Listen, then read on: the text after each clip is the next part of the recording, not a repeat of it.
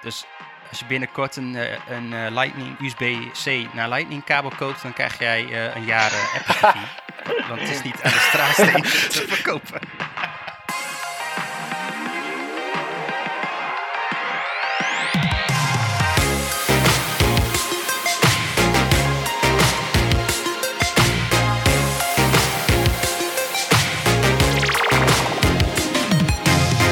Welkom bij de Pixel Paranoia podcast. Ik ben Mikelle en samen met mijn co-host Rick gaan we alles behandelen rondom UX, UI en frontend development. En in deze aflevering hebben we een gast, eh, Rogier. Rogier is ehm, volgens mij pattern lead designer bij Centraal Beheer. En eh, we gaan hem straks alles bevragen over design systems. Ehm, Rogier, kun jij misschien jezelf even voorstellen? Ja, tuurlijk. Eh, mijn naam is uh, Rogier Jansen. Ik ben 29 jaar en ik kom uit Apeldoorn. In Apeldoorn is ook waar het kantoor van Centraal Beheer zit. ook heel dicht bij waar ik woon. Het is echt letterlijk bij mij in de straat. Nu heb je daar in deze coronatijd niet zo heel veel aan. Ehm, maar ik werk inmiddels 2,5 jaar voor, voor Centraal Beheer. ik ben eigenlijk binnengerold bij, um, bij de schadeafdeling. Um, daar zit ook het grootste gedeelte van de schadeverzekeringen. Maar ik heb al best wel snel de stap gemaakt naar financiële diensten. Waar ik um, ruim anderhalf jaar heb gezeten. En nu zit ik eigenlijk voor 50% bij de um, CB-app. en ben ik voor 50% bezig met het design system van Centraal Beheer. Cool. Klinkt heel gaaf. Zeker. cool, cool. Oké. Okay. Hey, normaal gesproken hebben wij elke aflevering hebben we drie onderdelen. Namelijk een, uh, een aside, een main en een footer. En aside, uh, ja, neem even een tip mee. Rogier, volgens mij heb jij ook een tip meegenomen. Yes. Kun je die uh, toelichten? Yes, wat ik tegenkwam is, is Flotato. ik best wel, als je op een, natuurlijk op een Mac werkt, kan je natuurlijk alle, tegenwoordig heb je natuurlijk alle verschillende browsers en, en wat je allemaal kunt kiezen. Nou, ik denk dat de meeste designers misschien wel, wel Chrome gebruiken. Uh, maar nu zag ik uh, vorige week een artikel van iemand, uh, dat is nou, toevallig dan ook de ontwikkelaar van, van Flotato zelf. Um, en die heeft een analyse gemaakt tussen het uh, RAM-gebruik van, uh, van Chrome uh, en van Safari, natuurlijk de main browser op de MacBook. Um, en daar zag je eigenlijk in dat, dat Chrome is, eet best wel veel energie op, op je Mac. dat zie je best wel yeah. terug. Als je niet aan, aan de power hebt hangen, dan, dan slurpt gewoon best wel snel je MacBook leeg. wat hij heeft gedaan, ja, is eigenlijk dat hij heeft eigenlijk best wel een soort van nifty, nifty appje gemaakt. Uh, wat er eigenlijk in gebeurt is dat je van elke website eigenlijk een app kan maken. Um, dus wat je met het uh, programmaatje doet is dat je zegt, nou van deze site wil ik, uh, wil ik een app maken. Uh, dus die, die creëert hij dan, creëert hij dan voor je. Um, dan kan je zelf zeggen van nou ik wil graag dat hij bijvoorbeeld de desktop of de mobile view pakt. En eigenlijk is het voor designers dat best wel handig. Want als je bijvoorbeeld zegt van nou ik werk bijvoorbeeld best wel, ik zit best wel veel naar de mobile view te kijken als je bijvoorbeeld Chrome hebt, dan moet je altijd hè, moet je weer schalen en zo. Of dan moet je in de developer oh. tools moet je zeggen dat je dan uh, een, een, bepaalde viewport wil hebben. Maar hier kan je bijvoorbeeld ja, zeggen, ik wil altijd, altijd de mobile versie. Je creëert er een appje van. Um, je launch hem en je krijgt gelijk de mobile versie. Dus het zit best wel, best wel nifty in elkaar, zeg maar. Dat, dat klinkt oh, dat wel echt cool. handig. ja. Dus je, je, kunt gewoon, iedere website is gewoon centraalbeheer.nl en dan zeg ik, ik wil de mobile variant. En dan heeft hij een appje, die kun je openen en dan heb je gewoon een soort mini, uh, ja, dus het mobiel venstertje met daarin de website. Ja, en het is natuurlijk wel van, uh, um, dus een tijdje geleden heeft, uh, heeft Apple dat uh, gelanceerd, hè, met dat je een soort van Mac en, en iOS wat meer naar elkaar gaan groeien. Dat je straks ook iOS-apps op de Mac zou kunnen gebruiken. Maar dit is denk ik ja, misschien, uh -huh. dit is al best een soort van een beetje een voorloper, want je kan zelfs notificaties instellen. Dus stel dat je bijvoorbeeld de site van de NOS hebt, dan heb je natuurlijk desktop notifications kan je inschakelen, maar daar heeft hij dan ook support voor. Dus het voelt echt al een beetje als een soort app. Nice. Dan krijg je, krijg je gewoon een, een eentje erbij. Ja, dan krijg je gewoon, maar, een, gewoon een eentje erbij. Oké, okay. ja, ik, ik, had even snel op de website gekeken. Ik zag dat je ook uh, uh, een soort preview van een gedeelte van de website kunt selecteren wat hij dan als soort van app-icon gebruikt. Ja. Waarbij je dus, uh, stel je bent helemaal fan van uh, GameStop stock en je wil de huidige prijs weten. Sorry, sorry mensen. dan kun, je, kun je daar dus een soort preview venstertje ja, in, in een soort app-icoon maken. Waardoor je altijd in je dock, zeg maar, de, ja, dat, dat hebt staan. Dat zag er ook wel bruikbaar uit. Ja, handig voor de Bitcoin-prijs bijvoorbeeld. ja, ja nou, bij, bijvoorbeeld.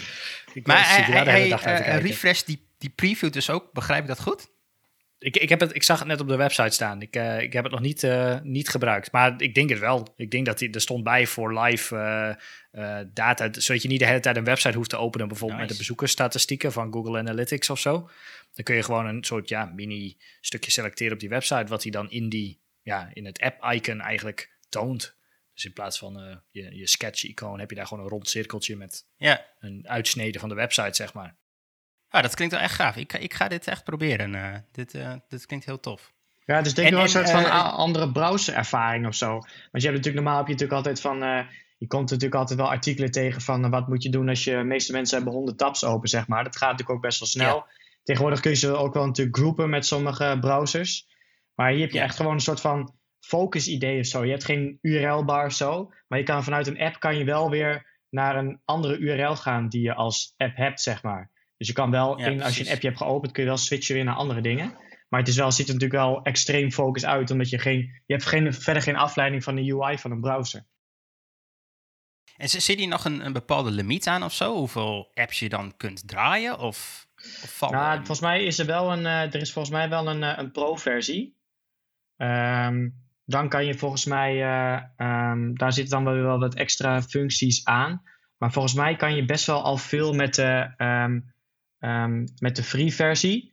Alleen volgens mij, volgens mij zit het niet op limiet, maar zit het meer op gewoon trial period of zo. Dat je dan de, de pro versie moet nemen. Die is volgens mij eenmalig 20 dollar of zo. Dus hè, van, uh, je moet er wel echt uh, veel gebruik van maken, wil je dat kopen. Uh, maar in ieder geval leuk om, om, leuk om, om uit te proberen. Cool. Nou, ik, ik, ik heb hem geïnstalleerd. Ik ga, ik ga hem voor de komende tijd eens gebruiken. Ik ben benieuwd. Ja, ja, toffe tip. Thanks.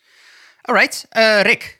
Ja, mijn aside, niet tip, je zei net tip, maar uh, aside. Ja, sorry, aside. Ja, jij mag. Uh, is, zeven uh, podcast, weet ik het nog niet. Nee, is een artikel van uh, Smashing Magazine. nou ja, hebben we al veelvuldig behandeld, die website. Maar die kwamen met een heel uitgebreid artikel vorige week volgens mij.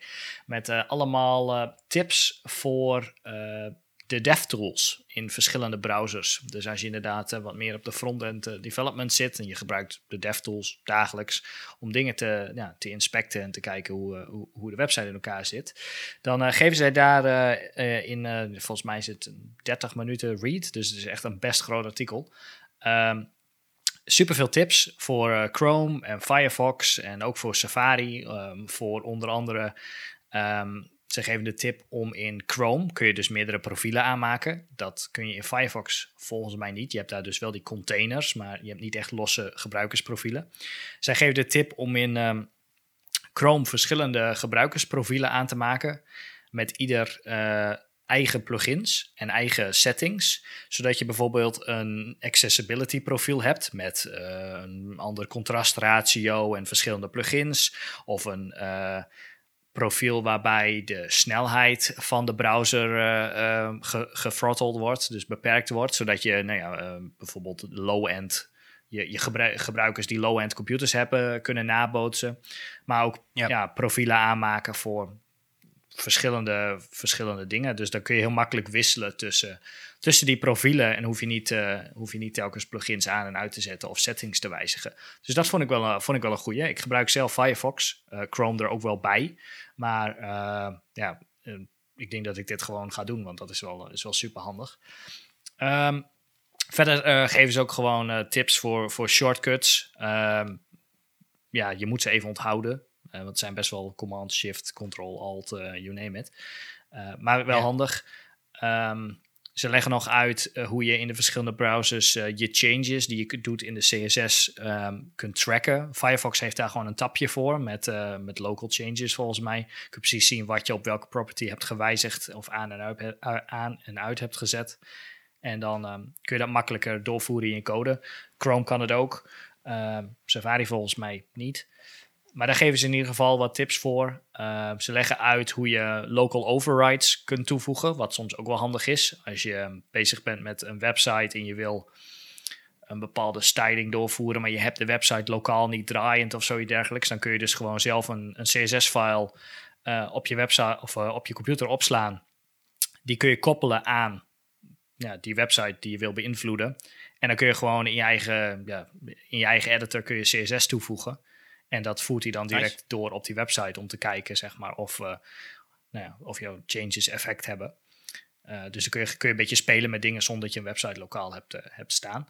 Dat is wel handig om, om te weten. Soms, komt, soms loop je tegen die situatie aan. Um, verder gaan ze nog even kort in op hoe je het netwerk panel beter kunt filteren. Of waar je eigenlijk op moet letten, want er staan ontiegelijk veel dingen in. En niet alles ja. is, is even relevant. Een ander dingetje wat ook in het artikel stond, uh, zijn het uh, debuggen van animaties. Iets waar, we, waar ik gelijk gebruik van heb gemaakt. Uh, we hadden namelijk een, een probleem met een website waarbij de menubalk een beetje horkig uit beeld schoof op Android-telefoons. En dat was een beetje moeilijk te, moeilijk te debuggen, want ja, je kunt in, we hebben Browser Stack, dat is een website of een service waarbij je echte devices online kunt, kunt opstarten en gebruiken om dingen te, te animeren of uh, ja, websites te bekijken. Alleen um, de, de FPS daarvan is nou, dusdanig slecht dat je eigenlijk geen animaties op kunt debuggen. Dus daarmee kwam ik nergens. Uh, en het aan de computer hangen, ja, je, je ziet dat het een beetje horkig gaat, maar je kunt er verder weinig mee. Maar met de, met de tips uit dit artikel uh, kon ik bepaalde dingen aan en uitzetten. Uh, en dan kon je zien hoeveel resources bepaalde ja, dingen gebruikten. Uh, wat er opnieuw gepaint werd, dat knipperde dan groen. En door daarmee te spelen uh, kwamen we erachter dat er een, ja, schijnbaar een, ik denk een bug, maar ik weet het niet zeker, een position sticky in combinatie met een translate Y, Grieks I, omhoog, uh, dat dat op bepaalde Android-telefoons horken ging. Wijzig ik position sticky naar fixed, is het super smooth. Heel vreemd. Maar door middel van die tips ben, ik daar, ben ik daar achter gekomen. Dus zeker, een, uh, zeker de moeite waard om even door te nemen, dit artikel. Nou ja, het eerste punt dat je noemde was ook wel interessant. Dus in principe zou je dan gewoon een, uh, een profiel kunnen, kunnen maken. En dan zie je eigenlijk bijvoorbeeld een, een website zoals iemand dat met een uh, beperking zou zien. Ja, je kunt, uh, je kunt in Chrome, nou, je kunt van alles nog wat instellen natuurlijk. Uh, hoge contrast, grotere lettertypes. Je kunt je netwerksnelheid verhogen, verlagen. Je kunt CPU-throttling aanzetten. Je kunt nou, van alles nog wat doen. Je kunt ook allemaal plugins installeren die inderdaad dus bepaalde dingen nabootsen. Dus je kunt inderdaad een profiel aanmaken voor nou ja, bijvoorbeeld visueel beperkte mensen. Het staat in het artikel welke, welke plugins je daar dan voor kunt gebruiken. Nou, die installeer je dan in dat profiel. En uh, als je dat wil testen, dan open je gewoon dat profiel en dan ga je dan naar de website. En als je iets anders wil, uh, wil testen, bijvoorbeeld een slomere verbinding of, uh, of juist een hele high-end computer, dan, ja, dan, dan open je dat profiel. Zonder dat je nou ja, eigenlijk je, je normale profiel telkens moet, moet wijzigen met het installeren van plugins. Ja, precies. Het is dus niet handmatig je, je plugins uit te zetten, aan te zetten, al die settings weer toe te passen. Nee. En, en dat sla je nu allemaal op in dat profiel. Ja, klopt. Ah, nice. Ja. Klinkt, uh, klinkt handig. Dus dat was mijn, uh, mijn tip. Of mijn aside. Oké. Okay. Ja, ik heb ook een aside. Um, uh, ik weet eigenlijk niet zozeer meer hoe ik eraan ben gekomen. Ik, ik, misschien van jou, Rick, of dat ik het ergens gelezen heb. Ik, ik weet het niet meer, maar volgens mij maak jij er ook gebruik van. het gaat over accessibilityinsights.io. is een, een website van Microsoft. En daar hebben ze een aantal tools um, gemaakt om jouw website of app trouwens, Android-apps, uh, te kunnen testen op allerlei accessibility punten. En uh, ik heb met name de, de, de webvariant, dat is gewoon een plugin, uh, getest. En die heeft eigenlijk, um, ja, laten we zeggen, twee modes.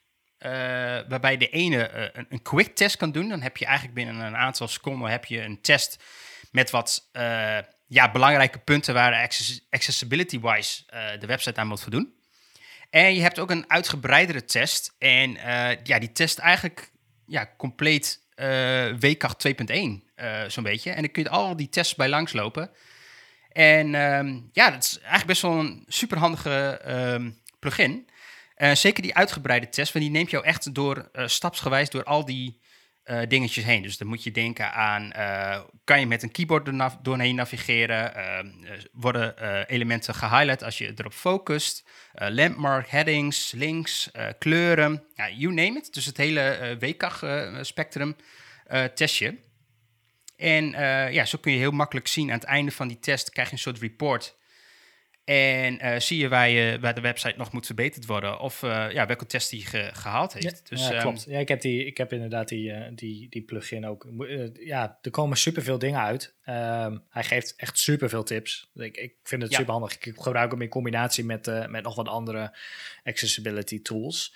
Uh, moet wel zeggen, soms heeft hij wel wat issues, maar dat hebben ook de ingebouwde, ingebouwde accessibility inspector van Firefox en Chrome hebben dat ook.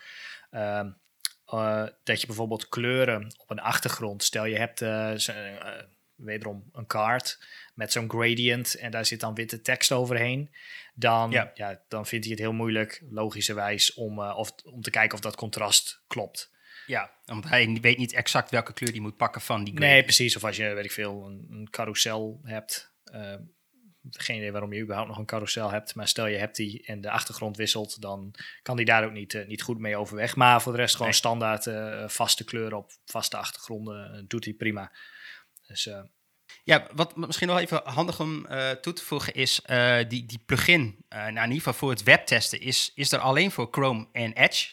en ik denk dat dat heeft te maken met door de engine die erachter zit. Um, dus hij is er niet voor Firefox of Safari. Dus dat is wel even goed om te weten. kun je die gelijk installeren uh, in je accessibility profiel? In ja. Indeed, ja. Um, ja, en ze hebben dus ook eentje voor, uh, voor Android. En ik denk dat het ook voor, uh, voor app developers uh, ontzettend handig is. Um, dus ik, daar moet ik ook nog eens een keer induiken of dat, of dat ook wat is. Maar dat, ziet er wel, ziet er wel ja, goed Centraal Beheer zijn we daar ook best wel mee bezig. Accessibility op de site, moet ik eerlijk zeggen. Er zijn mensen die daar echt wel een, een core job van hebben. Dus op de site kan je ook echt wel uh, kan je ook zeggen van ik wil uh, een ander contrast hebben. Of uh, je kan het, we hebben een dyslexie lettertype op, op de website. En dan, ja, daar hebben we het in onze allereerste aflevering over gehad. Ja. ja. Dus, ja, het ziet er een beetje, een beetje Comic Sans uit, maar het verhoogt denk ik wel de, dat lettertype. Maar... Ja, daar, daar, daar waren de, daar zijn de, de meningen over verschillen daarover. Of, het, daadwerkelijk, of het daadwerkelijk helpt. Maar uh, het, het, is, het is goed dat erin zit. Vooral de, de contrastverhoging is natuurlijk, uh, is natuurlijk handig. En je kunt ook font size vergroten of dat niet? Uh, font size niet, nee. Nou, check. Nou, soms zie je dat ook nog wel op, op websites. Maar daar zijn jullie best wel mee bezig dus. Ja, er zijn mensen die daar wel een, core job van hebben. Ik denk wel dat je het best wel... ik denk dat je er best wel aandacht aan moet geven of zo. Ik denk als je, als je iets, uh, als, zeg maar, als je iets designt of zo, is het vaak wel voor, uh, voor, voor de massa, zeg maar. En dat je best mhm, wel, denk ik, snel vergeet van, uh, van de mensen die, die daar toch wel wat meer problemen mee kunnen hebben. Um, is het best wel een soort van misschien best wel check als je daar al mee bezig bent. Om te kijken van, hè, hoe, dan kun je weer ook gebruik maken van die tools die jij natuurlijk noemde met die profielen en zo. Hoe zou iemand anders dat ervaren? Want dan kun je natuurlijk van het begin kun je natuurlijk al best wel veel problemen tackelen. Ja. Want je wil natuurlijk ook dat die mensen je site kunnen gebruiken. Ja, ja en zeker. Hè? Als, je, als je een website hebt met, met veel verkeer, wat een breed uh, publiek aanspreekt, uh, ja, dan, dan krijg je er ook mensen tussen zitten met, met een beperking. Mm. Dus uh, ik denk dat het heel goed is om uh, ja, zo vroeg mogelijk in het stadium van het ontwikkelen van een website daar rekening mee te houden. Ja, een goed, een goed voorbeeld. En tevens een beschamend voorbeeld voor mijzelf. Hoe ik hier nou ja, hoe mijn interesse hier eigenlijk voor gewekt is, is dat een aantal jaar geleden wij uh, een, um, een uh, formulier aan het maken waren met uh, toggles. Zo'n ja-nee toggle, een beetje zo'n iOS-style toggle. Ja. om ehm, nou, bepaalde dingen aan en uit te kunnen zetten. Die hadden wij destijds ja, gewoon gemaakt met, met diffjes en spannetjes zeg maar, onder water. Geen HTML-elementen, geen, geen echte checkboxen of, uh, of, of, of, iets dergelijks. En toen uh, kwamen we ook reports terug van... hey, mensen kunnen dit formulier niet goed gebruiken, want er valt niks aan te zetten, zeg maar. Als je de CSS uit zou zetten, dan, ja, dan staan daar gewoon lege diffjes... Uh, maar er is niks om aan te zetten. Het is geen formulierelement. Dus uh, mensen konden gewoon bepaalde dingen niet kopen, omdat ze dat gewoon niet aan konden zetten. Dus uh, toen, ja, toen we daarachter kwamen, toen dacht ik, oh shit, weet je, we moeten ook ja, wel echt meer rekening gaan houden met, uh, met, met ja, gewoon sowieso dat je, dat je code goed is, maar ook dat ja, dat screenreaders en dat soort dingen er goed mee om, uh, om kunnen gaan. Ja, en, accessible. Ja, dat het accessible is. En niet alleen visueel, ja. uh, dat het visueel klopt. Want ja, daar verkochten we dus uh, aan deze mensen helemaal niks mee. Nee, dat is jammer. En je sluit eigenlijk zo een, ook een, een aantal mensen uit. Uh, dat is gewoon zonde. Yep. Alright, uh, dan laten we het hierbij voor de, voor de asides. En dan gaan we naar het, uh, het main onderwerp. En dat zijn design systems. En uh, Rogier, jij kwam met ons in contact. En jij zei van, hey, wij doen daar best wel gave dingen mee bij Centraal Beheer. Ja. Um, ja, en wij zijn natuurlijk heel erg nieuwsgierig. Um, ja, je werkt dus bij Centraal Beheer. Kun je ons vertellen wat je daar precies allemaal doet? Natuurlijk. Ik werk op dit moment, zoals ik eigenlijk in de intro ook al zei, voor 50% bij de app van Centraal Beheer. Dat doe ik nu, okay. denk ik, anderhalf jaar. Um, eerst zat ik in het team bij financiële diensten, waar we vooral de financiële producten probeerden in de app te krijgen. Dus dat je inzicht krijgt in je hypotheken, dat je bouwdepot kan opnemen, dat je hypotheek kan aflossen. Uh, nou ja, sparen, dat soort, uh, dat soort producten. Uh, op een gegeven moment heb ik de stap gemaakt naar het core team van de app die we hebben binnen Centraal Beheer. En wat we daar eigenlijk doen is um, dat we vooral alle main dingen oppakken die niet gelden voor een, voor een business line, zeg maar. Dus die niet, niet echt inhoudelijk bij een, bij een team liggen. dus dan moet je denken aan bijvoorbeeld een generieke aanmeldflows, sms-authenticatie, dat soort dingen. Dus dat is eigenlijk waar ik ja. 50% van mijn tijd voor doe. Maar die andere 50% is eigenlijk voor, voor de ontwikkeling van het design system. Want dat is, uh, dat is eigenlijk wel een, een, een, vlucht gaan nemen het laatste, laatste jaar binnen, binnen Centraal Beheer. Ja, want jouw, jouw, jouw rol zag ik zo mooi. Dat is pattern, lead pattern design. Ja, toch? ja. Dus wat eigenlijk. Ehm, cool. Ja. Dus we zijn eigenlijk vorig jaar zijn we, hebben de stap gemaakt van, van Sketch naar, naar Figma. Nou, ik denk niet dat we het enige bedrijf zijn die dat gedaan heeft. Want Figma is natuurlijk best wel, best wel upcoming wat dat betreft. Ja. Um, in Sketch hadden we altijd een, hadden we altijd dat een, nou ja, een link met, met InVision. Het, met de DSM. En dat is eigenlijk een, een eerste stap om een soort van design system op te zetten. Waar je dus uh, ja. verschillende soorten componenten had die je zou kunnen gebruiken. Maar het was, dat was natuurlijk allemaal een beetje houtje touwtje. Want je had, uh, je had natuurlijk altijd verschillende sketchbestanden. En dat, ja, dat DSM van InVision was ook een beetje buggy. Dus ja, dat, dat hebben, we, hebben, we, ook nog gebruik van gemaakt. Maar dat, dat, uh, er zat geen versioning in. Dus als nee. één iemand iets opsloeg terwijl de andere hem ook open had, dan was het gewoon weg. Dat soort uh, vage, vage bugs hadden wij ook. Niet uh, chill. Ja, dus toen, eigenlijk hebben we toen, toen Figma kwam met de belofte om dat beter te doen, zijn we, daar hebben we eigenlijk de stap gemaakt naar, naar Figma. en daarmee kwam eigenlijk ook wel gewoon een, een, best wel een goede deur open om, om te werken aan het, aan het design system. Nou, bij veel grote organisaties heb je eigenlijk wel een soort van design system team. waar dus mensen gewoon dedicated op het design system zijn gezet voor de opzetten ervan, de ontwikkeling ervan, het toevoegen van, uh, van, uh, van componenten. Uh, maar eigenlijk doen we het bij ons net wel een tikkeltje anders. wij hebben gezegd van nou, het, het design system is iets van ons allemaal. dus we hebben eigenlijk de verantwoordelijkheden een beetje verdeeld. Um, en dat, was, dat is denk ik wel wat ons design system een beetje kenmerkt. we hebben um, eigenlijk liggen de verantwoordelijkheden voor het design system bij allerlei verschillende mensen. We hebben daar ook een, eh, een, een, een aparte werkwijze voor, uh, voor ontwikkeld. We hebben eigenlijk gezegd bijvoorbeeld elk component uh, of elk patroon heeft een, heeft een eigen owner. Dus we hebben de componenten eigenlijk een beetje verdeeld over de verschillende designers binnen de organisatie. Dat zijn er denk ik, nou in totaal zijn we denk ik met een man of 18, maar we hebben het verdeeld denk ik onder een man of 8. Um, en daarbij ja. hebben we eigenlijk gezegd van door dit stukje aan iedereen apart toe te wijzen um, haal je zeg maar de grootste bottleneck eruit dat je uh, één of twee aanspreekpunten hebt. Uh, maar ook dat iedereen meer zeg maar, het design system gaat doorleven. Um, en je echt wel een aanspreekpunt hebt over iemand die inhoudelijk iets veel meer van een, uh, van een component weet. Nou, jij zei het al van als patent design lead. Ben ik natuurlijk wel, er moet natuurlijk wel een soort van overkoepelend iemand zijn die, het, die daar dan weer verantwoordelijk voor is en die die dingen in het design system mag aanpassen. en dat ben ik dan. En hoe, hoe werkt dit? Zeg maar, zijn er dan ook developers verantwoordelijk van voor bepaalde componenten? Of uh, zeg technisch, zeg maar, want er staan, denk ik, in jullie uh, design system ook beschreven hoe bepaalde componenten werken. Niet echt in super technische termen, maar misschien wel wat, wat wel en niet mogelijk is.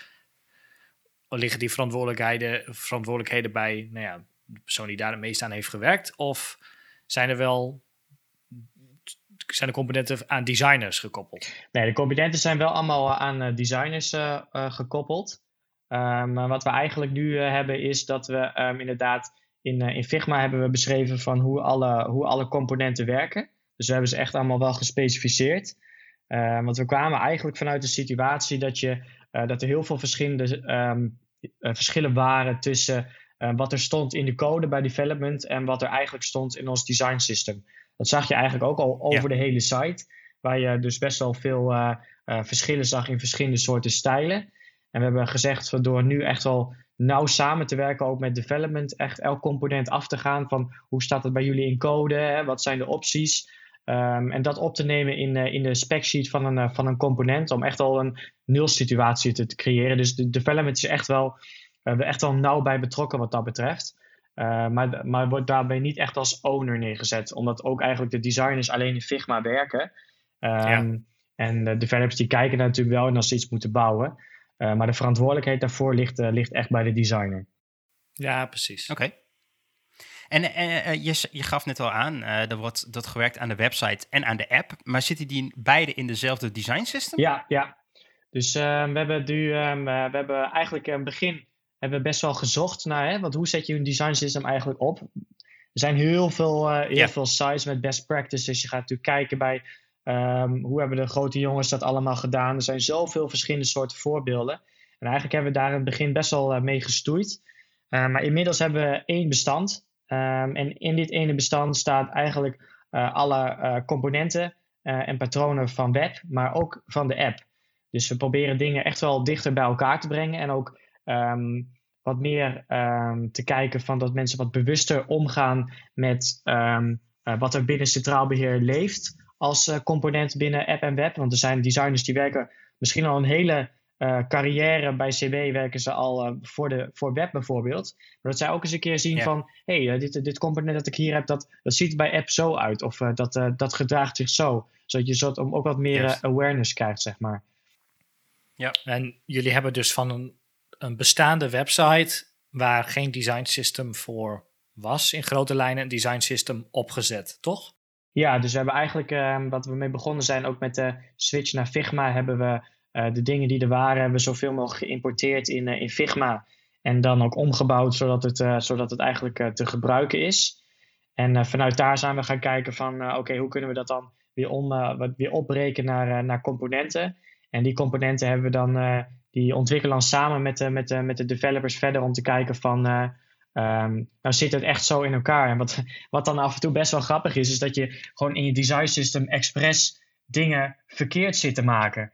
Want je wil, wat, wat eigenlijk het doel was voor ons is, we willen gewoon een nul situatie. Dat je gewoon in, in, de, in de code, um, in Storybook in dit geval, en in ons design system bij Figma, dat dat, dat het gewoon hetzelfde is. Maar soms kom je dingen tegen ja. en dan wil je als designer wil je dat eigenlijk gelijk aanpakken. Um, maar dat kan dan nog niet. Dus eigenlijk zit je dan soms in, in je design system zit je expres dingen verkeerd te maken, omdat ja. ze op de site zo staan.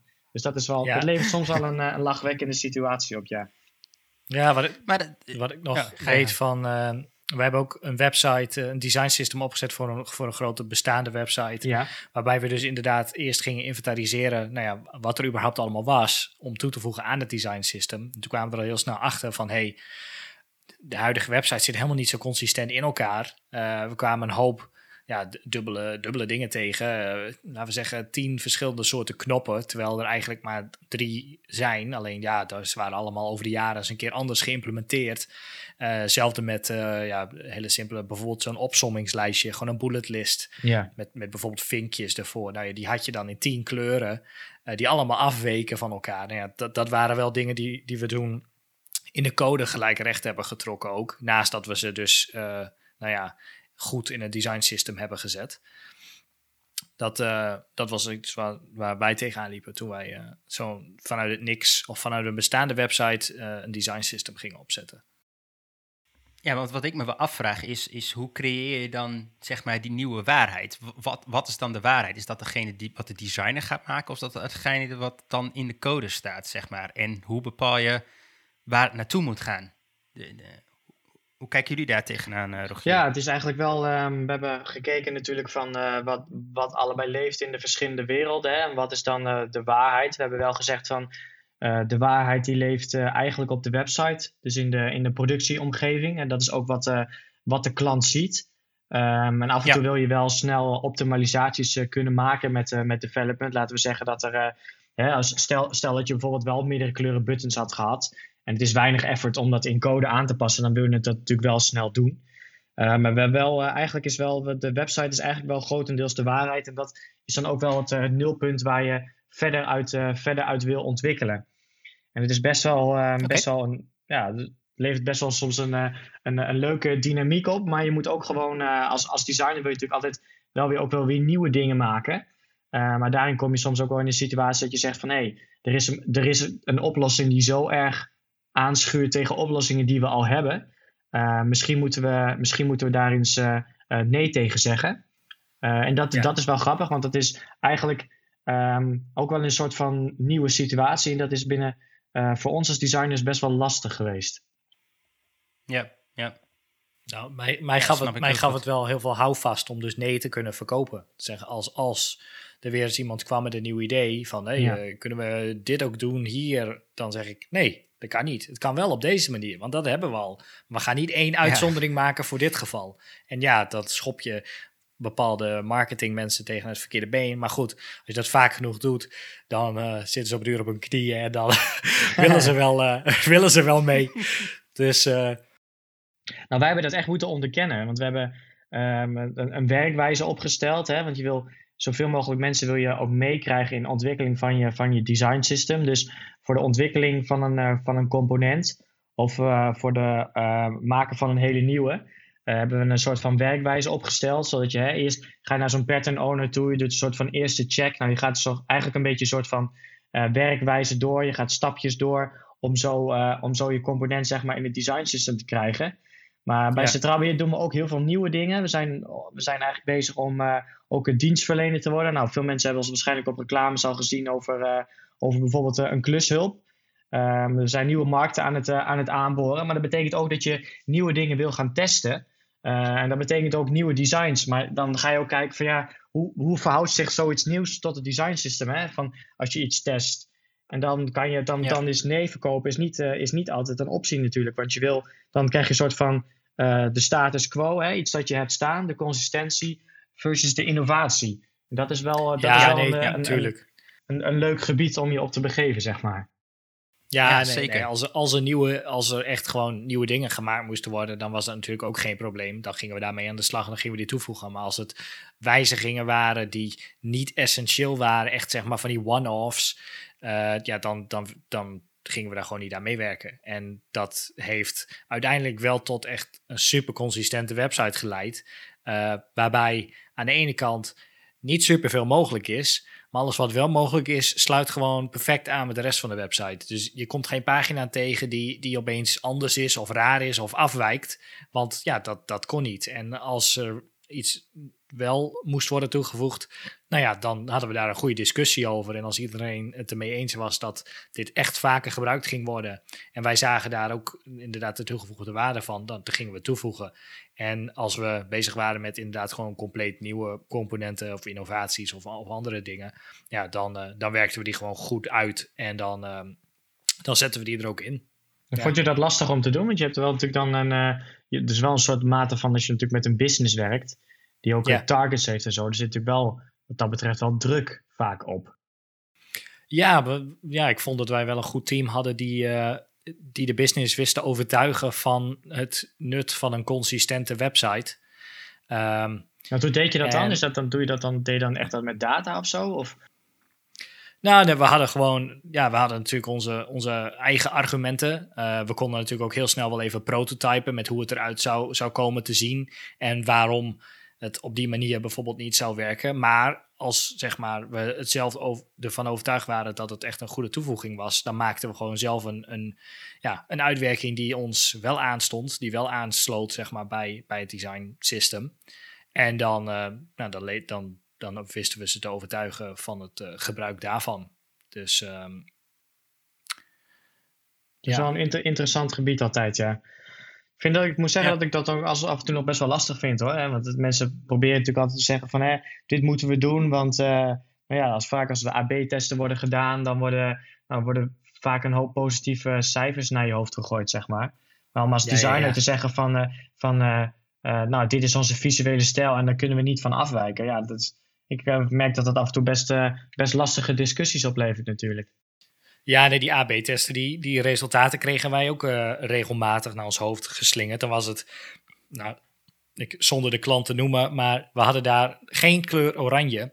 Maar uh, de marketingpersoon die had even een AB-testje online gemikt met uh, een call-to-action knop op de homepagina die oranje was. Als enige knop op de homepagina. Nou, en die converteren me toch een partij goed, naar eigen zeggen. Ja, uh, weet je, dat kunnen we gewoon niet doen. We kunnen niet één oranje knop opeens nee. gaan toevoegen met een nieuwe kleur, want die hebben we helemaal niet in ons hele huisstijl. Maar hij deed het wel zo goed. Nou ja, dan uh, even kijken naar de cijfers, bleek het allemaal misschien toch wel niet weer zo representatief te zijn. En uiteindelijk hebben we gewoon gekozen voor een, een, een, ja, een andere manier om het opvallend te maken, anders dan zeg maar de kleur van de knop te wijzigen. Door gewoon het hele blok bijvoorbeeld uh, uit te laten springen. En nou, dat, dat werkt ook. ja, ik merkte ook vooral, weet je, wat, wat, wat ik wel vaker merk, is, is je, je krijgt dan data naar je hoofd uh, toegesmeten, maar de, de context is ook heel erg belangrijk. En, en hoe is die data geïnterpreteerd? En uh, uh, ik denk dat de, de opdracht in dat geval meer zou moeten zijn van, hey, we hebben hier een knop, kan die beter converteren, ja of nee? En dan is de, de opdracht, denk ik, aan de UX'er om te kijken wat zou beter converteren, wat ook nog eens past bij de huisstijl. Ik denk dat dat een veel betere vraag was van... hey, ik zie in de cijfers dat uh, een oranje knop uh, zoveel procent meer beter scoort. Uh, maak hem maar oranje. Dat, dat is niet een opdracht. Nee. Ja, het is wel een opdracht, maar niet een goede. Nee, nee precies. Nee, ja, ook, dus, hey, maar, dan gooi je het ook een beetje overboord. Hè? Kijk, als je zegt van als we overal roze knoppen op de site doen, want die converteren zo lekker. Ja, dat, dat, dat, dat, dat als het zo ver af staat van je huisstijl, als, als merk. Ja, dat, dat, is het einde zoek. Ja, inderdaad, inderdaad is het einde zoek. Dan, dan kan je alles wel, dan kan ik wel zeggen van als we de hele homepage volgooien met gifjes, dat converteert zo lekker. Ja, dan, wat, ben je dan straks nog als merk natuurlijk. Hè? Dus dat is nog niet altijd is dat een goed argument, vind ik wel, die conversie. Nee, en dat, en dat is denk ik, uh, uh, ja, zeker bij commerciële bedrijven, een, een hele gekke balans de hele tijd tussen uh, uh, wat wil een marketeer? Uh, wat wil de business? Uh, wat wil IT? wat wil een UX'er? En ja, al die dingen moeten bij elkaar komen. En die moeten een soort compromis vormen. Ja, en, en wat, wat je net ook zei, dat je moet wel goed kijken naar de, de manier waarop de data wordt geïnter geïnterpreteerd. En hoe die is verzameld en of die wel echt representatief is. want ja, dan krijg ik een rapport met... Nou, weet je, in februari, nee, laten we zeggen maart, mei nou, zorgverzekeringen die, die verkopen momenteel helemaal niet op deze manier. Maar in december, dan opeens uh, gaan, dan, dan, verkopen we superveel als we deze wijziging doen. Ja, nee, dat heeft niks te maken met die wijziging. Het heeft te maken met dat iedereen in december van zorgverzekering gaat wijzigen. En, ja, ja. en niet in maart. Dus dat zijn ook, uh, ook van die dingen. Of dat, dat ze dingen gaan testen, zeg maar, voor een campagne. En daarna volgens tijdens een campagne waarbij het grootst op televisie is. En dan zeg je, nou, we verkopen nu echt superveel autoverzekeringen. Nu, we dit, uh, nu, nu deze AB-test live staat. Terwijl er ook op uh, tv allemaal reclame is. En daarvoor niet. Ja, zo kan ik het ook. Ja, ja dat is zeker wel een goede. Ja. Dat vertekent het beeld echt helemaal. Ja. Ja. Hey uh, Rogier, kan je ons meenemen in, um, stel de, de business bij jullie heeft een idee. hoe, hoe hoe ziet dat proces eruit en hoe komt het uiteindelijk in jullie design system terecht? Dat het echt daadwerkelijk gebruikt gaat worden? Ja, um, uh, business komt natuurlijk, het inhoudelijke gedeelte ligt bij ons echt wel uh, in, uh, bij de business lines. Um, het is zo dat onze designers dus allemaal in, in teams in de business lines werken. Nou, daar wordt ook de ont ontwikkeling gedaan van, van, van nieuwe dingen. Um, in principe is eigenlijk het idee dat, dat de designer natuurlijk eerst kijkt naar, naar wat we hebben. Anders hadden we natuurlijk dat hele design system niet op hoeven zetten. Um, wat zij doen is dus gewoon kijken van, hè, kan ik, uh, uh, kan ik uh, deze, deze pagina bijvoorbeeld, als we het over de website hebben, opbouwen uit bestaande strips, noemen wij dat dan. strip is eigenlijk een soort van blok op, een, op een pagina. En die opgebouwd is uit de verschillende componenten. En die strips worden ook gebruikt bij ons door de webmasters. Dus die kunnen eigenlijk, kan je, die kunnen eigenlijk gewoon een soort van pagina in elkaar klikken door, door strips onder elkaar te zetten. En zo kunnen ze dan een, eh, een pagina opbouwen. dus eigenlijk is dat gewoon een beetje waar je als designer ook begint. Door te kijken van oké, als ik deze pagina heb met, met, met dit doel, ehm, welke strips kan ik daarvoor gebruiken? Nou ja, soms heb je natuurlijk wel het, het idee van hè, ik, ik zou, ik, hier kan ik niet helemaal mee uit. Dus dan kom je eigenlijk al dat je iets zo nou ja, een andere richting zal, zou moeten volgen. en vroeger was dat zo dat je dan gewoon wat maakte en dat gooide je in design system en het was klaar. Uh, maar tegenwoordig hebben we daar wel een werkwijze voor opgesteld om het echt wel meer te structureren. Dus uh, wat je hier eigenlijk nu hebt, is dat je, um, je wil bijvoorbeeld een, een, een, component aanpassen of je wil een, een, nieuw component. Nou, wat je dan gaat doen, is dat je eigenlijk een, een soort van eerste pre-scan gaat maken met, met, met mij als um, pattern design lead en met onze design system lead, met z'n tweeën. dan zeg je van, nou, ik heb dit en dit probleem. ik heb gekeken naar de oplossingen zou dit uh, component willen aanpassen. Of ik zou uh, bijvoorbeeld een, een, nieuwe willen maken. Nou, dan zeggen wij van dat het lijkt, uh, nou in dit geval misschien als wel een goed idee. en dan ga je eigenlijk ook kijken met, ga je de pattern owner aanhaken. En dan ga je eigenlijk je idee verder ontwikkelen. Je kan bijvoorbeeld de art director aanhaken als wanneer nodig. Um, en dan, dan ga je eigenlijk een soort van ontwikkeling door. Um, waar je verder gaat werken aan een soort van contributievoorstel voor het design system. Dus dat is eigenlijk een soort van spec sheet die we hebben, waar je gaat zeggen van oké, dit is het component, zo moet het werken, uh, zo, uh, zo ziet het eruit. En dat is dan ehm, al afgestemd met, met de techniek, zeg maar, met IT? Nou, dat is ook een van onze cruciale stappen. Want we hadden natuurlijk wat ik net zei: van we wilden eigenlijk gewoon die, uh, die, die nul-situatie creëren, zeg maar. Ehm, maar we kwamen heel vaak tegen dat er of dingen in het design system stonden die helemaal niet op de site bestonden, of andersom. Dus we hebben nu gezegd, dingen moeten ook echt eerst in code worden gebouwd. Uh, voordat ze beschikbaar komen in het design system. En dus voor alle andere ah. designers. ja. ja, precies. Zo kan je dat ja, probleem een, een beetje uh, tackelen. Kom me bekend voor. ja, dus wat, dat, dat is ook een van de stappen, is inderdaad het afstemmen met, uh, met development. om, om te zorgen dat het gebouwd wordt. en daarna zitten er nog een paar andere cruciale stappen in. Eh, we hebben bij ons ook eh, CRO'ers. We hebben het natuurlijk al een beetje net gehad over, eh, over het testen. die moeten aangehaakt worden om te vragen of het, of het getest moet worden, ja of nee. Of het bijvoorbeeld een grote invloed kan hebben op de conversie natuurlijk. Um, en daarnaast hebben we nog voor de, voor de versioning hebben we een, een stap toegepast. En dat is denk ik best wel een, uh, voor mij denk ik wel een eye-opener geweest in, in wat ik tegenkwam over uh, documentatie over design system. En dat is eigenlijk de Snowflake. Oeh, leg uit. Ja, Snowflake is eigenlijk... Um, soms heb je dus dingen die je eigenlijk uh, wel zou willen gebruiken als designer, maar waarvan je nog niet zeker weet dat ze in het, uh, in het uh, design system kunnen komen. dus dus ja. eigenlijk dat iets, de naam zegt het al een beetje, het dwarrelt nog een beetje in de lucht. En er moet eigenlijk nog, nog ergens landen. En dat zien we bijvoorbeeld bij ons bij, bij diensten. diensten doet de ontwikkeling van nieuwe diensten voor centraal beheer. Dus onder andere de klushulp, uh, zonnepanelen, servers, dat soort dingen. En die willen gewoon soms nieuwe dingen testen en daarmee ook nieuwe dingen maken. Dus dat hebben we echt al in het design system uh, um, uh, in de werkwijze op moeten nemen. wat je dan eigenlijk doet, is dat er gewoon gezegd van dit, dit stukje dat is, dat is net gebouwd. het is een snowflake. dat wordt zo ook neergezet. Um, we hebben een soort van bestand in Figma, dat heet de release straat. Dat is eigenlijk gekoppeld een beetje aan uh, hoe je een component aanpast of ontwikkelt. Dus je gaat eigenlijk allerlei verschillende soorten stapjes door. Uh, totdat het eigenlijk bij een, uh, bij een stap terechtkomt waar ik het in het design system zet.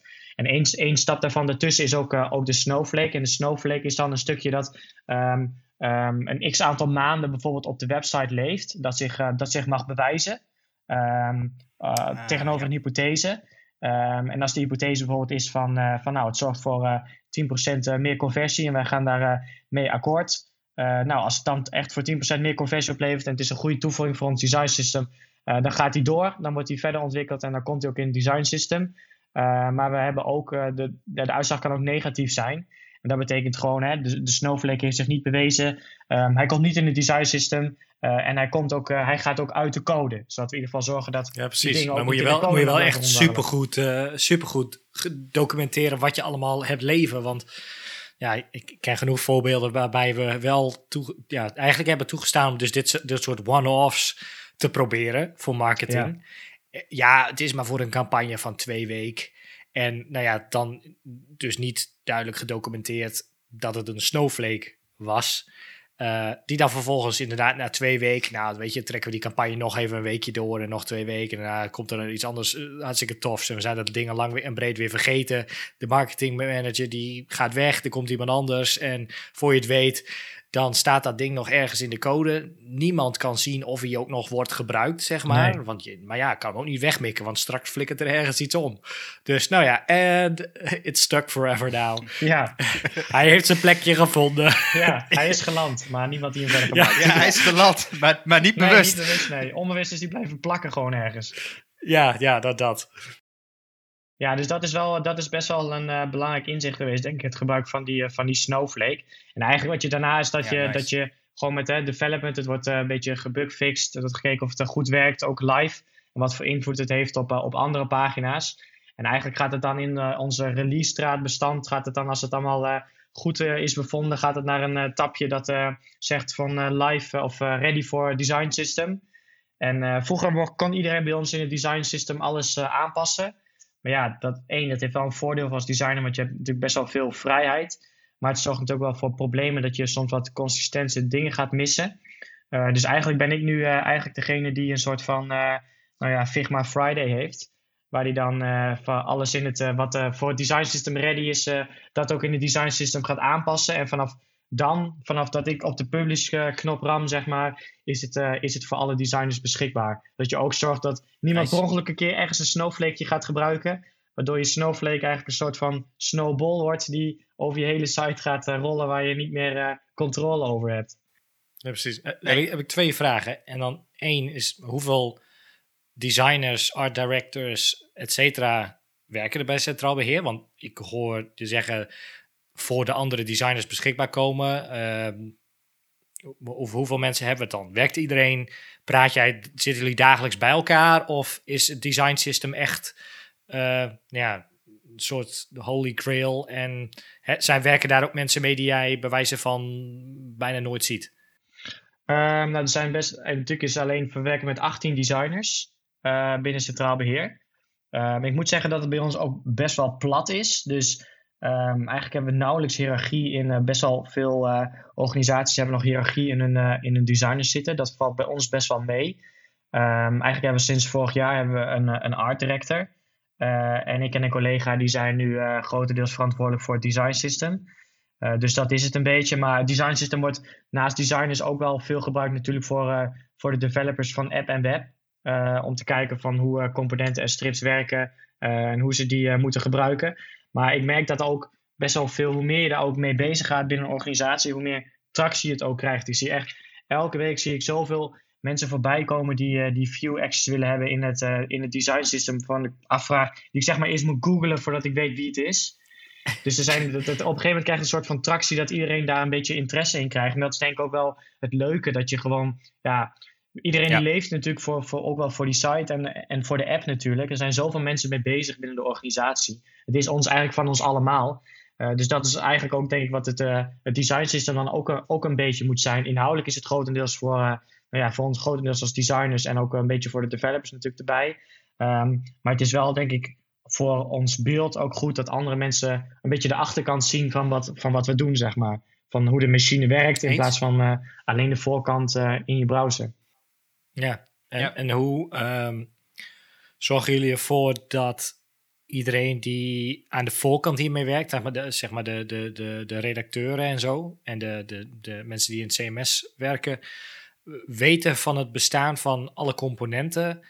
Um, want dat is iets waar, waar ik dan wel tegenaan liep, was dat we hadden een design system. Daar stond alles heel mooi in beschreven, welke componenten er waren. Alleen de mensen die ermee werkten, ja, die wisten wel ongeveer wat er beschikbaar was. Maar mensen die ja, er niet dagelijks mee bij betrokken waren, die, die moesten ja, een beetje door het design system heen gaan klikken eh, om maar te kijken zeg maar, of, of er iets bij zat.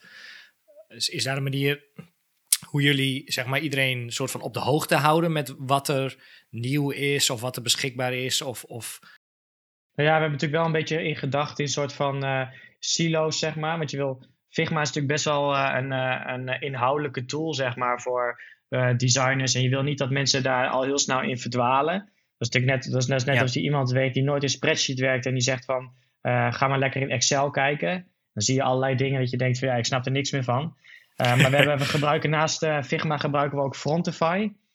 En dat is eigenlijk een wat oh meer een voorkant voor, voor webmasters, waarin dan de, de, we hebben een koppeling daar met Figma, zodat bijvoorbeeld de strips en componenten worden ingeladen. En daar beschrijven we dan wat meer in generieke taal, zeg maar, wat het ding doet en waarvoor je hem kunt gebruiken. En echt inhoudelijk weet je wel van de, de anatomie op, op pixelniveau van een component, dat staat dan in Figma. Ja, daar hoeft een webmaster dan ook niks mee.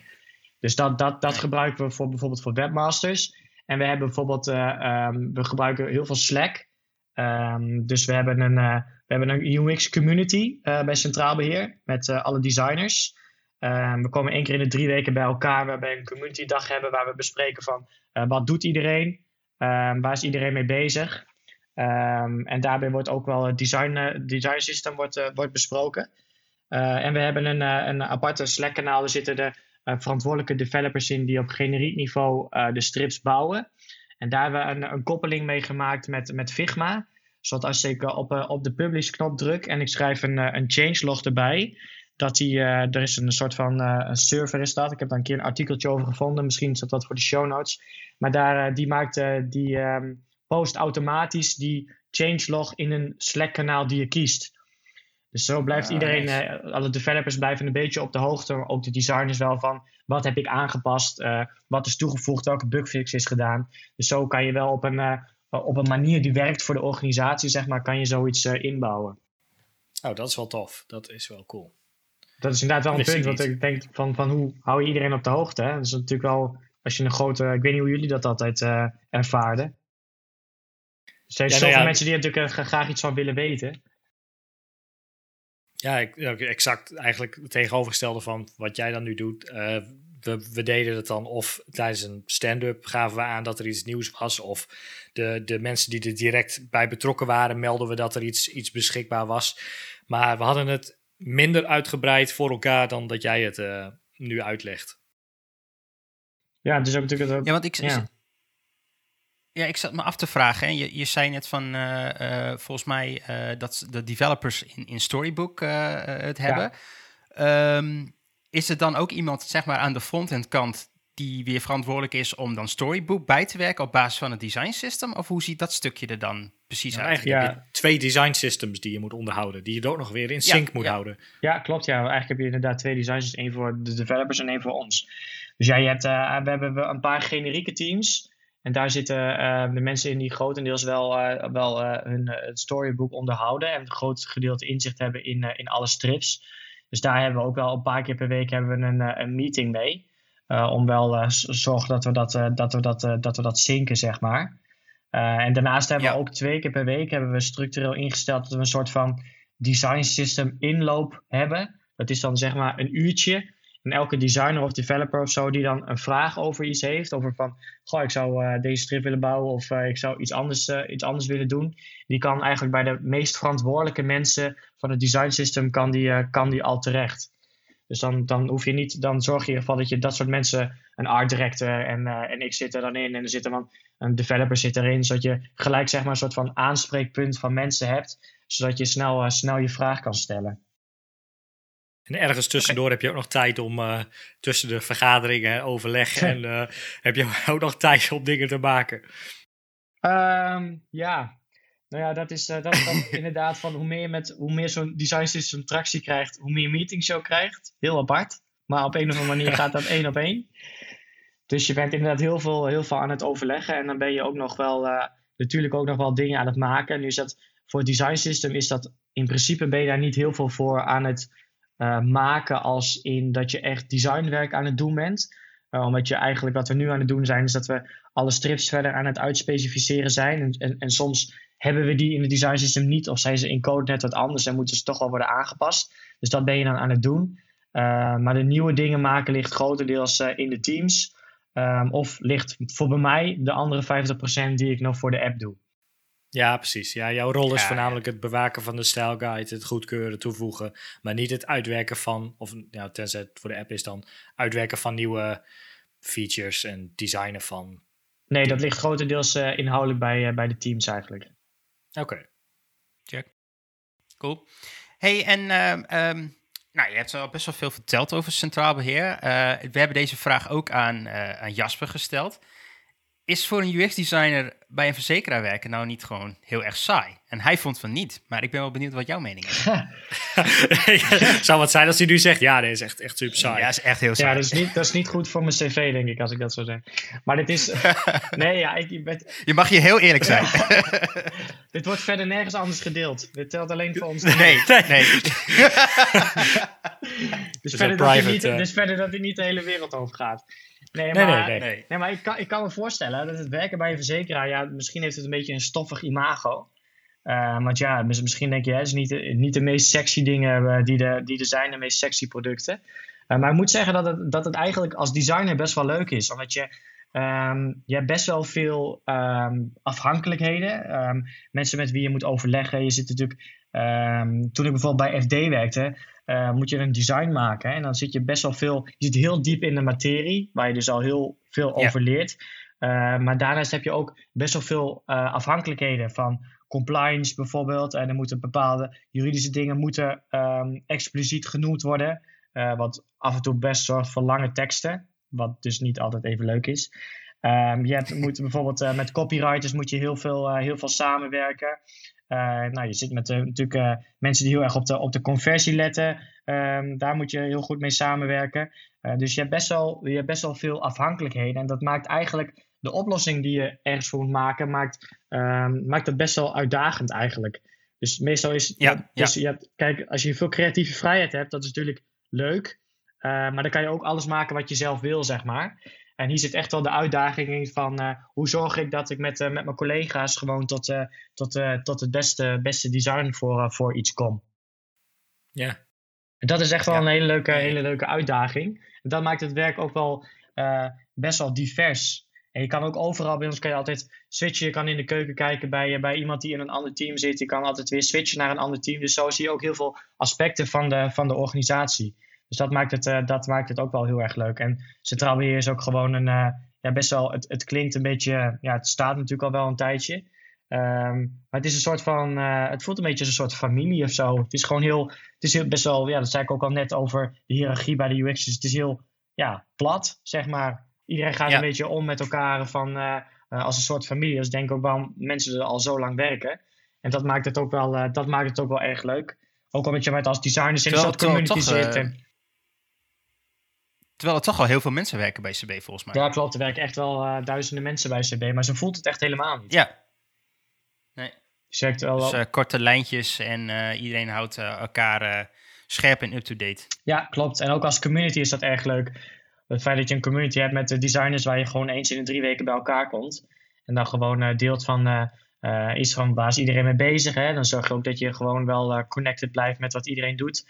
Maar ook steeds weer gewoon nieuwe onderwerpen aankaarten, trends. Uh, maar ook uh, zien we heel veel dat mensen vanuit de organisatie bij ons komen van hé, hey, we willen, willen dit oppakken. Hoe, zou, hoe kijken jullie daarna? Bijvoorbeeld bij, een, bij, een, bij de ontwikkeling van nieuwe dingen voor klanten.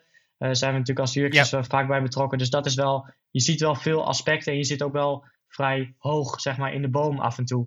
Dat je best wel met strategische dingen af en toe bezig bent. Dus dat maakt het ook wel heel leuk. Je ziet, het is gewoon heel divers. Je ziet echt heel veel verschillende soorten dingen. Ja, je zou ja, niet zeggen dat uh, zo'n grote organisatie zich aan de ene kant natuurlijk wel bezighoudt met een design system, maar um, de manier waarop je, nee, de design systems zijn nou, relatief nieuw, in ieder geval in Figma, en de manier waarop jullie er dan mee werken en, en al dat soort dingen, dat is, ja, lijkt me wel heel leuk om daar, uh, om daar in detail mee bezig te gaan. Het is niet iets wat je denk ik verwacht van, van een, uh, van zo'n organisatie. Nee, wat ik ook zei met het design system, dat we echt wel de verantwoordelijkheden daarvoor ook echt wel hebben verdeeld. Dus dan, ja. dan voelt het ook wel echt wat platter dat je wat meer onderdeel bent van, van uh, daar zit een teampje dat het de design system en ik mag dingen aandragen en het wordt afgeschoten of niet. Bij ons is het echt gewoon wat meer gewoon van, uh, we werken gewoon samen naar een oplossing toe die werkt voor iedereen. En dan is het uh, ik die, maar, die het zeg maar inzet. Uh, maar, dat is maar dat is maar een heel klein gedeelte van het grote gedeelte van het werk. ben je eigenlijk zelf al mee bezig. Zo voelt het ook echt wel ja. alsof je er echt al, echt al wat aan bijdraagt. Ja, ja precies. Hey, uh, je hebt al uh, nou in ieder geval twee tools opgenoemd. jullie maken gebruik van Slack en, en dus van Figma. Zijn er nog andere tools die jullie veel gebruiken in jullie UX-proces? Ehm, ja, er zijn er best wel. Ik denk dat, dat iedere designer ook wel, wel weer zijn eigen, eigen ding gebruikt. Er zijn mensen die Principle gebruiken. Ehm, soms om, om wat ah, meer uitgebreide animaties te maken. Dan moet ik zeggen dat we bij, voor web kom je wel op zich wel redelijk weg tegenwoordig. Omdat Figma ook wel bezig is om de prototyping tools wat verder uit te breiden. Uh, wat heel veel gebruikt wordt bij ons is Usability Hub. Ik weet niet of jullie dat kennen. Het is best wel groot. Ja, wel eens over gehoord. Ja, zeker. Ja, dus Usability Hub is eigenlijk een tool waar je best wel, best wel snel designs kunt testen. dus er zit een soort van groep van mensen achter die nou ja, een klein beetje betaald wordt, zeg maar, om, om designs te bekijken en, en te testen. Dus daar kan je heel snel kan je daar kan je daar insights voor ophalen voor als je, voor als je iets wilt doen. En helemaal in deze coronatijd is dat echt wel, uh, echt wel handig, want de straat op gaan, dat heeft niet zo, uh, niet zo heel veel zin. vroeger gingen, vroeger gingen we gewoon naar de kantine beneden. Ja, ja nee, dat. Hey, ja, kantines. Wie kent ze nog? Ja, wat gebeurde daar ook alweer? Ja, nou, usability testing. Ja, dat denk ik ook, ja. nee, dus dat, dat, uh, dat gebruiken we. Uh, ik denk en soms kom je nog heel dat je, dat je een oud ergens, dan heb je zoiets dat je, als je zo'n switch, switch maakt naar Figma, dan zijn er ook altijd nog van die dingen die dan dus in een soort, ja, weet ik niet, designkerker zijn of zo. Van die hele oude dingen, die waar een dikke laag stof overheen ligt, die nooit zijn gebruikt. En die leven dan een of andere, in een van die shady sketchbestandje nog. Of uh, ergens in, in Zeppelin. Dat, uh, dat hebben we dan een lange tijd oh, gebruikt ja, ja. Uh, na Sketch. En dan, dan komt dat ook nog weer ergens een keer boven water. Dus ja, precies. Oké, nice. Hey, um, we hebben het uitgebreid gehad over design systems en waar jullie nu staan. Maar uh, hoe, wat zou je er nog aan willen verbeteren eigenlijk? Wat, waar, zit nog groei in uh, volgens jou? Ja, ik denk dat we nu pas, ik denk dat we nu pas echt wel bezig zijn met het, met het fundament te leggen. Omdat we, we hebben natuurlijk sowieso verschillende veel stijlen die nog her en der een beetje door de site leven. Dus we zijn nu bezig om het fundamenten te leggen van, van het design system. En wat, ja. ik ben al eigenlijk heel erg blij als we dat, dat eenmaal hebben staan. we zijn er best wel goed op weg, omdat we er nu wel redelijk wat, wat, wat, wat tijd in steken. Maar vanaf daar kunnen we denk ik ook wel echt wel gaan kijken van waar, waar zijn de optimalisaties ook te vinden. nou, ik heb eigenlijk al eigenlijk net al gezegd, die zijn er genoeg. Um, dus daar, dat is eigenlijk wel hoe ons design system verder, uh, verder zou kunnen ontwikkelen, uh, denk ik. Um, alles misschien nog, uh, nog, wat, nog wat beter, nog wat beter beschrijven. Um, ik denk dat dat, dat, dat sowieso, sowieso beter is. en dan samen met de rest van de designers echt wel kijken van hoe, hoe kunnen we het zeg maar zo inzetten dat het ook werkt als, als, als tool verder voor, voor iedereen. Want eigenlijk is het gewoon een fundament. Eigenlijk zeg je met design is het gewoon een, een fundament voor je, voor je product natuurlijk. Mm waar je steeds op terugvalt.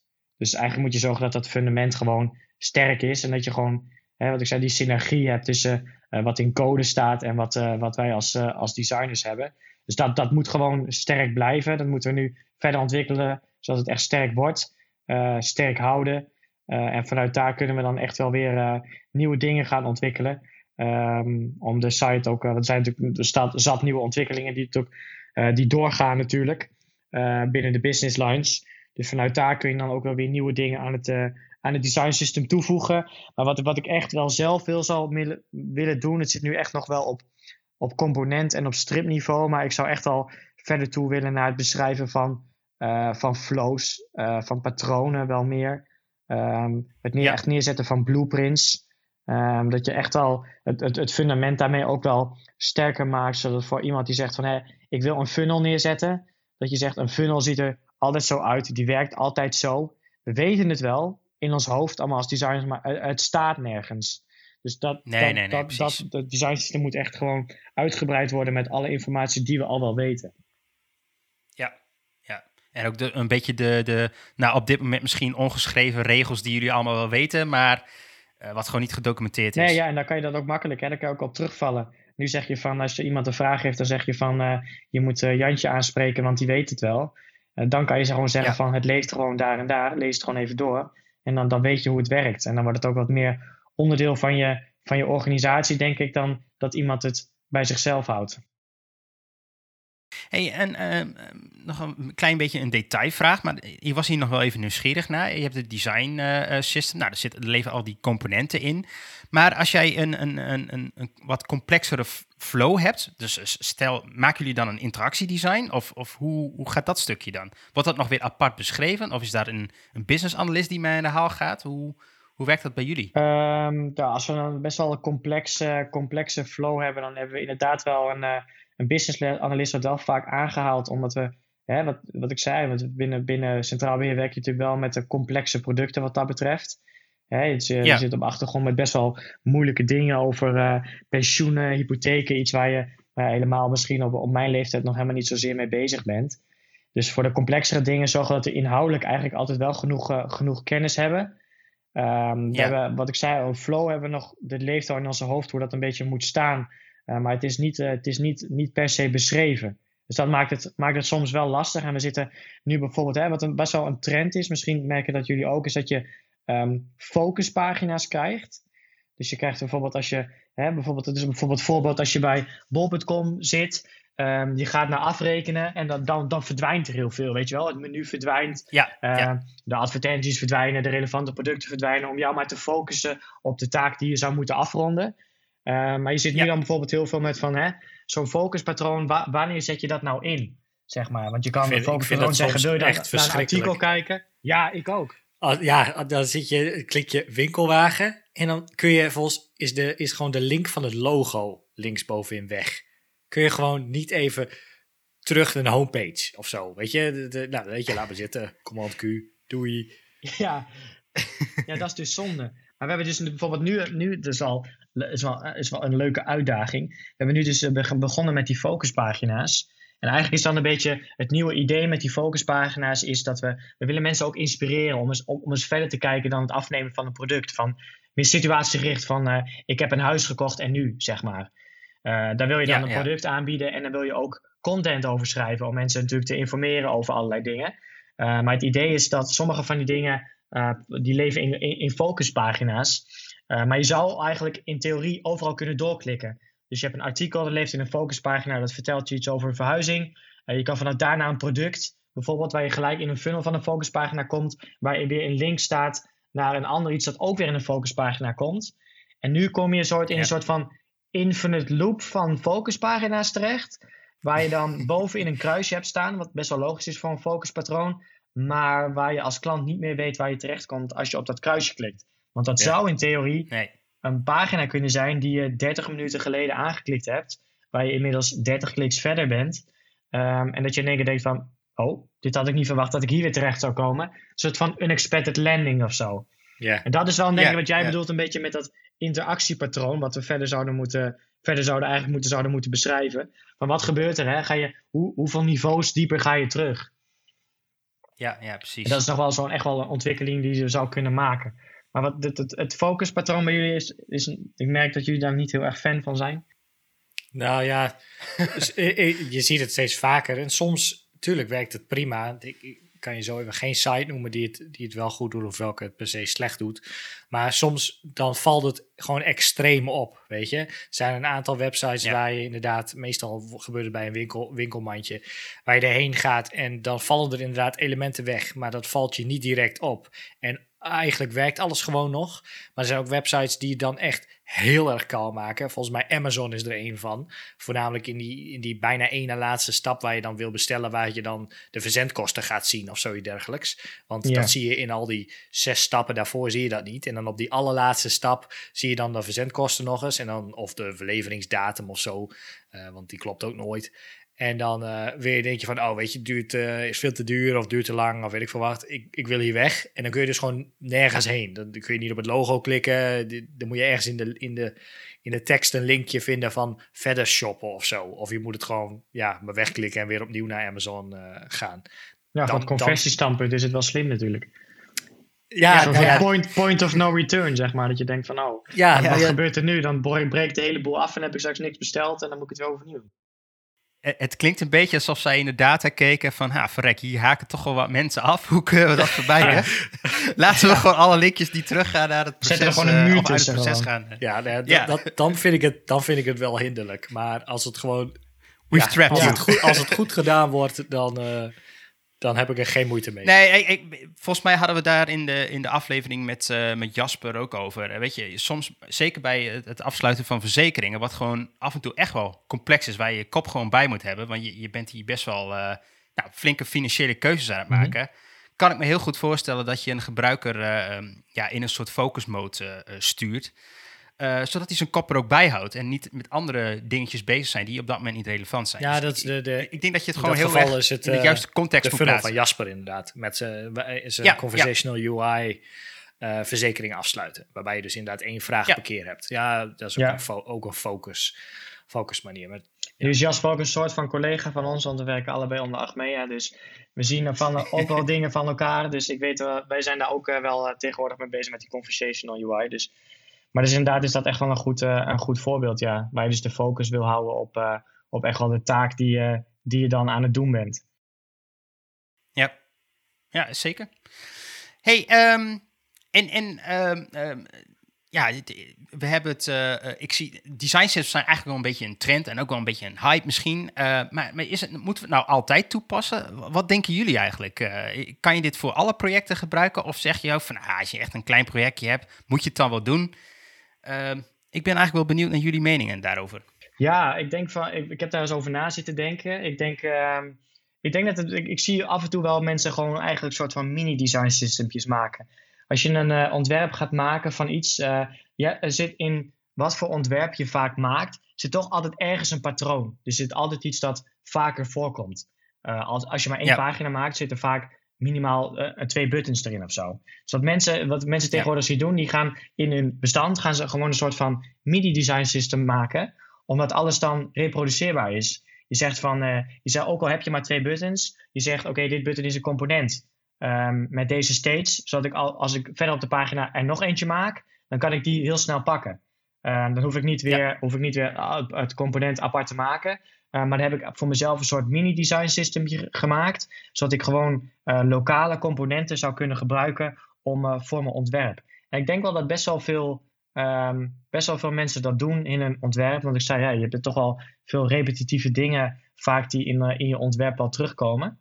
Ehm, dus ik denk wel dat het best wel handig is om dat ook wel op, op, op kleiner niveau te doen. Want het geeft gewoon overzicht. Je, we hebben gewoon overzicht in, dit zijn mijn buttons bijvoorbeeld, dit zijn de, dit zijn de states ervan, deze eh, tekststijlen worden er gebruikt. En natuurlijk, hoe groter je gaat, hoe meer ehm, waarde dat denk ik krijgt in overzichtelijkheid. Want je krijgt natuurlijk ook steeds meer Ja. dingen. Dus hoe meer behoefte je hebt aan structuur, denk ik.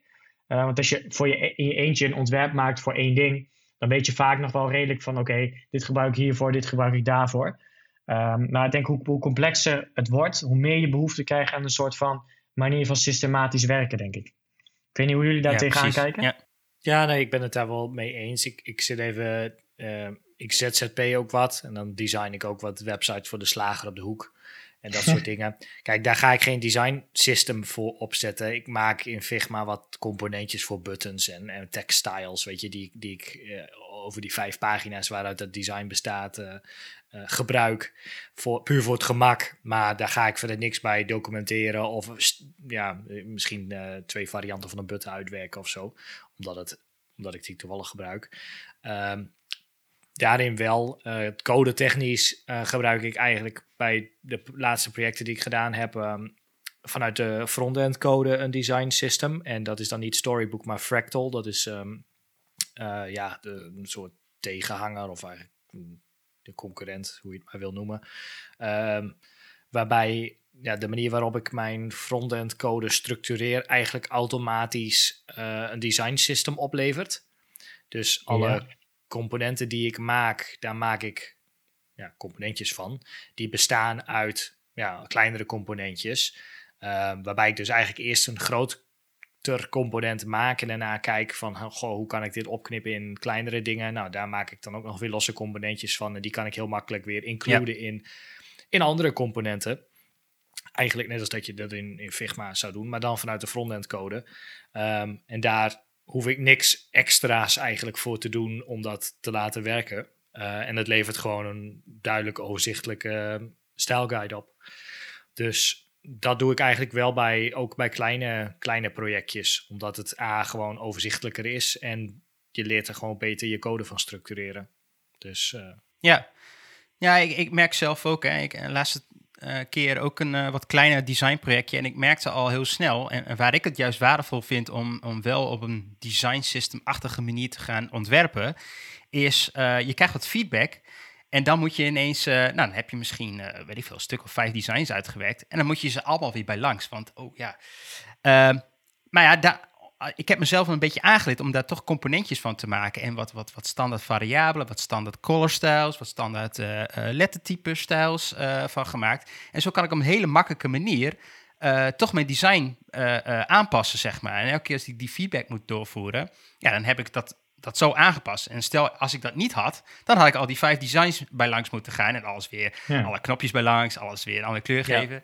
Dus alleen daarom als, zeg maar, ehm, ja, zou ik het al toepassen. En inderdaad, misschien hoef je niet alles te beschrijven. En, en, en zeker als je weet als het een beetje een one-off project is, nou, dan zou ik dat niet, daar geen energie in steken. Maar uh, het, het, het systematisch opbouwen van je design is denk ik geen, geen slecht iets. En je, je creëert daar ook consistentie mee, is mijn mening in. Ja, dat is, dat is met die kleinere design dingen, uh, zoals de slager op de hoek, uh, ook, ook wel zo. als je natuurlijk een button maakt, dan kun je er gewoon, eigenlijk wat ik vanuit de code ook doe, als je er direct een component van maakt, dan kun je ook heel makkelijk een variant toevoegen. En als je die dan gaat gebruiken in plaats van dat je eerst nou, bij wijze van uh, een designtje in elkaar. Ik van, nou, dit is, dit is het wel. En je moet er dan daarna nog ja, componenten van, van gaan maken. Dan, ja, het is... Uh, variant, is wel, uh, variant is wel echt wel een, een goede feature voor als je in Figma merkt voor het overzichtelijk houden van je design system. Tenminste, heb ik gemerkt. Zonder je hebt natuurlijk, als je, als je een designer en je, en je wilt je design system gebruiken en je gaat via het assets panel ga je bezig om, om dingetjes te pakken en ja, je hebt, uh, en je hebt uh, weet ik veel, uh, zes verschillende soorten buttons, zeg maar. Dat maakt, dat maakt het wel gelijk heel vol. En, en die variants zorgen er inderdaad wel voor dat je gewoon overal bijna maar één versie van hebt. die dan eigenlijk gewoon door, door een variant gewoon in elkaar klikt van wat jij zou willen gebruiken. Waar stond, stond er ja, laatst een artikel ja. op UX Design CC, die website, waarbij een, ja, je een file kon downloaden waarbij iemand in Figma met één component 1600 variaties had gemaakt van een button of zoiets dergelijks. Echt alle, alle kleuren en button of uh, icons ervoor en daarachter en uh, you name it allemaal. En een heel artikel uit, uitgewerkt. Als ik hem vind, dan zet ik hem wel even in de, in de notes. Ja, nice. Alright. Um, en gezien de tijd, uh, laten we, zullen we er hier de main bij laten. Uh, maar ik denk niet dat we in onze podcast nog helemaal uitgesproken zijn over design systems. En er zullen steeds uh, ja, nieuwe tools komen, nieuwe verbeteringen, nieuwe methodieken om ermee om te gaan. Maar dat, nou, dat maakt het ook leuk, denk ik. Um, dan gaan we door naar de footer. Um, hebben jullie iets voor in de footer? Rogier? Um, heb ik er voor iets in de footer? Ja, iets leuks. Iets, mag van alles zijn. Tip? Een, van je favoriete Netflix-film die je deze week hebt gekeken? Of, uh... ja. Nou, ik weet, ik weet wel van, ik zag van de week een filmpje. Ik zit, um, denk ik, zoals misschien wel meerdere mensen, een beetje in de crypto. Um, en natuurlijk, dus vorige week is natuurlijk de, de, de Bitcoin is natuurlijk uh, best, wel, best wel hard gegaan. En voor mensen die daar een beetje interesse in hebben, dat kwam natuurlijk ook een beetje door door, door Elon Musk. Ik denk door veel mensen, evenveel mensen gehaat als, door, uh, als geliefd, zeg maar. ja, dat denk ik ook. Ja, dat is toch een beetje een apart figuur. Maar uh, daarmee was, die heeft natuurlijk ook bij, bij Tesla heeft hij natuurlijk die, uh, die ander, voor anderhalf miljard dollar in, in, in bitcoin geïnvesteerd. Dat je denkt, het is best wel een, een aparte stap. En ik kwam een filmpje tegen van iemand die dat... Um, ja, je moet wel een klein beetje... Misschien komt het ook omdat ik gewoon bij Centraal Beheer werk. Een klein beetje interesse hebben in financiën. Uh, maar die, die legt uit waarom dat eigenlijk zo'n geniale stap is. Um, omdat dat heel makkelijk, uh, dat heeft dan met, uh, met positieve, positieve belastingen te maken. Waardoor je bijvoorbeeld als die, als die ergens verlies op, opdraait op die bitcoin koers, kan hij dat afschrijven. Waardoor hij eigenlijk minder winstbelasting betaalt. Maar als de bitcoin koers, ah. bitcoin koers omhoog gaat, hoeft hij dat niet bij te schrijven als extra winst. Dan is het ineens nice. geen winst meer, maar dan is het zeg maar een asset.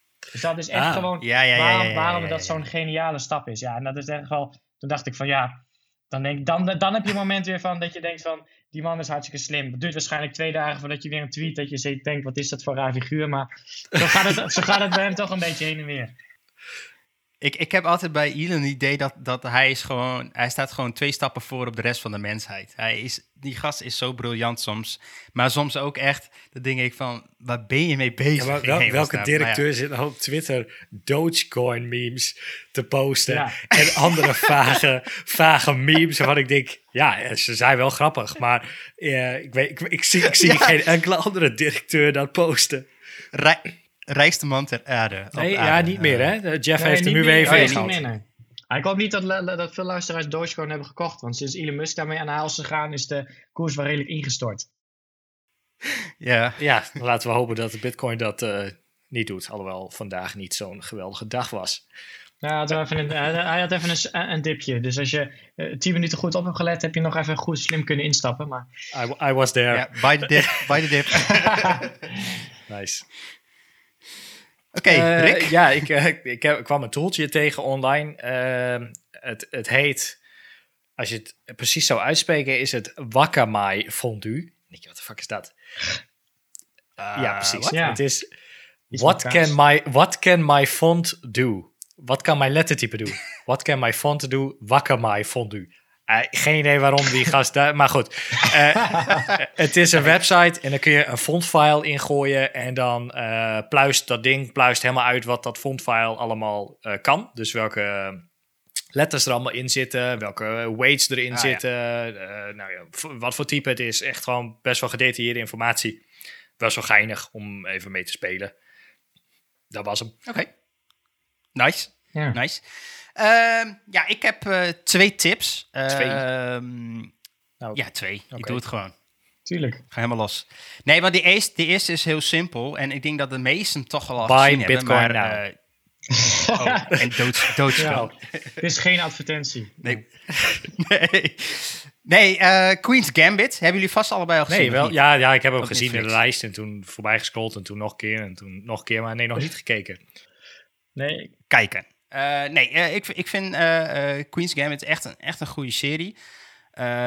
Speelt zich af, correct me if I'm wrong, in de jaren 60 en 70. Eh, gaat over een, een dame die nou, vrij briljant is in, in schaken. Ehm, en je ziet hoe zij opgroeit en nou, hoe ze het wereldtoernooi ehm, eh, wint of verliest. Want ik ga geen spoilers geven. Ehm, maar eh, ja, gewoon al die settings, hoe het, eh, hoe het gemaakt is. Het is een miniserie. Het zijn eh, zeven, acht, negen afleveringen, denk ik, zoiets.